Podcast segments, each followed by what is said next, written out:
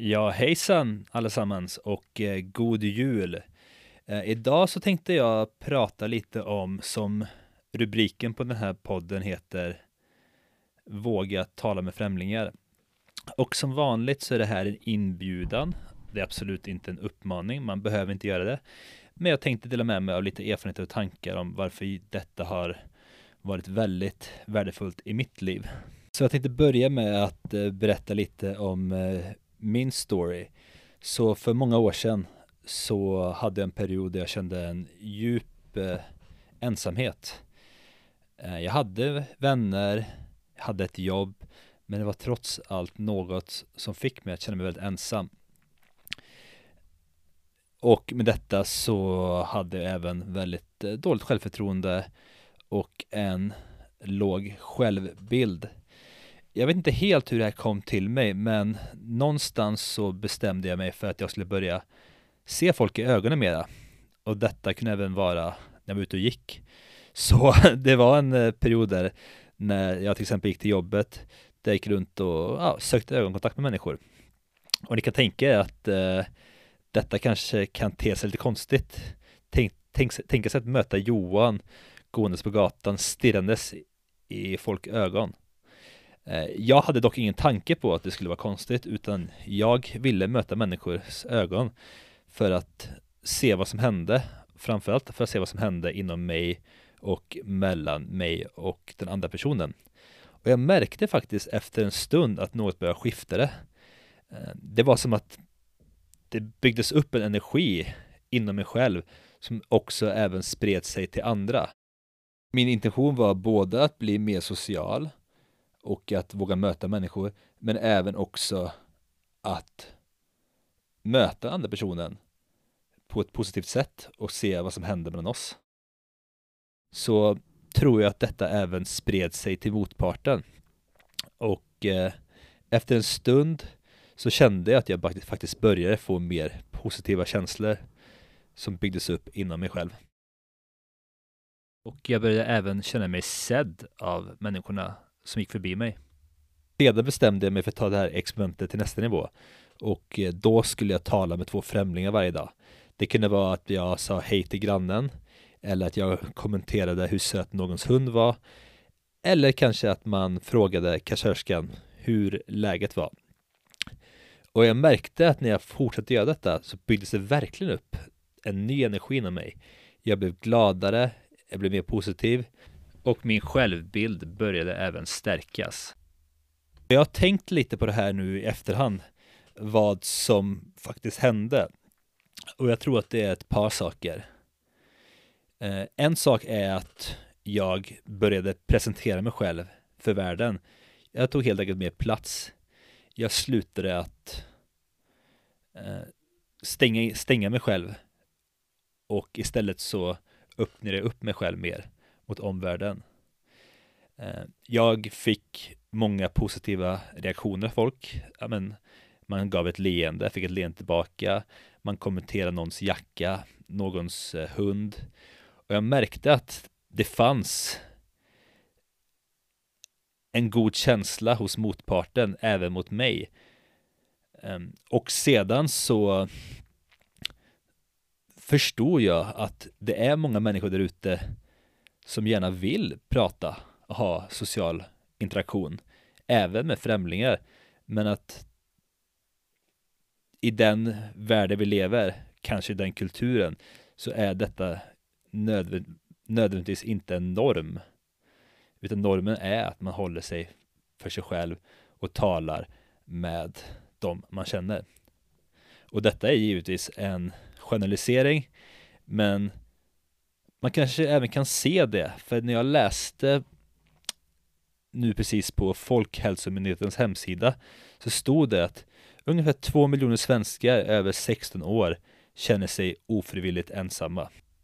Enligt Folkhälsomyndigheten så finns det tre former av ofrivillig ensamhet. Du har social ensamhet, vilket handlar om bristande tillgång till sociala nätverk och sammanhang och att man har få eller inga relationer. Den andra är emotionell ensamhet, vilket innebär avsaknad av nära relationer, någon att dela sina innersta tankar och känslor med.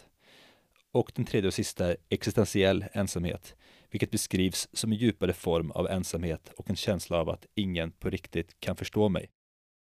Jag tror många där ute kan hålla med om att det inte alltid är enkelt att skapa djupa relationer. Vi lever i en värld som är väldigt snabb. Det finns stora flöden av information. Man kan idag ha kontakt med människor på Messenger. Men en annan grej, om man nu bor i en storstad som till exempel Stockholm, är att om man jobbar 9 till 5 och sedan går hem, det är inte alls omöjligt att du, man kanske inte ens har en konversation med någon efter att man gått hem från jobbet. Och jag vill inte gå in på en samhällsanalys här om varför det möjligtvis ser ut så här, utan jag är mer nyfiken om att prata om vad man skulle kunna göra åt det. Och jag tror att ett sätt att bota ofrivillig ensamhet är att börja tala med främlingar. För om vi bara stannar lite på det sociala. Det sociala är också en färdighet. Det är något man kan träna upp. Man kan som regel, vilket jag är helt övertygad om och sätter mig själv, gå från att tycka att man är osocial till att faktiskt känna att nej, vänta lite. Jag är inte så osocial som jag tror. Och i mitt fall så krävdes det väldigt mycket träning för att nå den insikten. Och nu vill jag utmana er där ute som kanske känner sig ensamma då och då. Och igen, det här är en utmaning, men det är också en inbjudan. Se att du känner dig ensam. Tänk så här. Hur kan jag bota min ensamhet? Du kan givetvis ringa en kompis, en familjemedlem. Men vad händer om du går ut på gatan och till den första människan du ser så säger du hej? Du behöver inte förvänta dig ett hej tillbaka. Du behöver inte stanna och prata, utan ett simpelt hej, så kan du gå vidare. Vad händer om du fortsätter göra detta? Du kanske kan kommentera någons klädstil om du tycker att den är snygg och se vad som händer. Jag är rätt övertygad om att till slut så kommer du få en positiv reaktion. Stanna då i den känslan och se vad händer inom mig. Var nyfiken. För jag tror verkligen att det finns mycket guld i den känslan. Jag kan bara ta mig själv som ett exempel. Denna praktiken har gett mig så oerhört mycket. Den har gett mig nya bekantskaper. Jag har byggt starka relationer. Och jag har även fått gå på äventyr som jag inte hade gjort om jag inte satte mig själv i sådana situationer. Jag tror väldigt mycket handlar också om rädslor. En rädsla om vad folk ska tycka och tänka om oss. En rädsla för att bryta en norm. Och säkerligen en massa andra anledningar. Så vad säger då forskningen om detta? Låt oss nu titta på ett papper från Sandström, Boothby och Cooney som heter Talk to Strangers, A Week-Long Intervention Reduces Psychological Barriers to Social Connection. En artikel jag kommer länka till i eh, poddbeskrivningen. Författarna nämner tre eh, anledningar till varför folk till vardags inte pratar med främlingar. Det första är att eh, människor håller en väldigt pessimistisk syn på att folk inte kommer vara intresserade att prata med dem. Folk underskattar hur mycket andra gillar dem efter deras första möte. Tredje anledningen är att folk är väldigt skeptiska till deras förmåga att starta och bibehålla en konversation med en främling. Jag kommer enbart gå igenom resultatet från studien. Om ni är intresserade av att se hur eh, den var designad, eh, vilka metoder de använde, så klicka in på länken i beskrivningen. Så vad var då resultatet?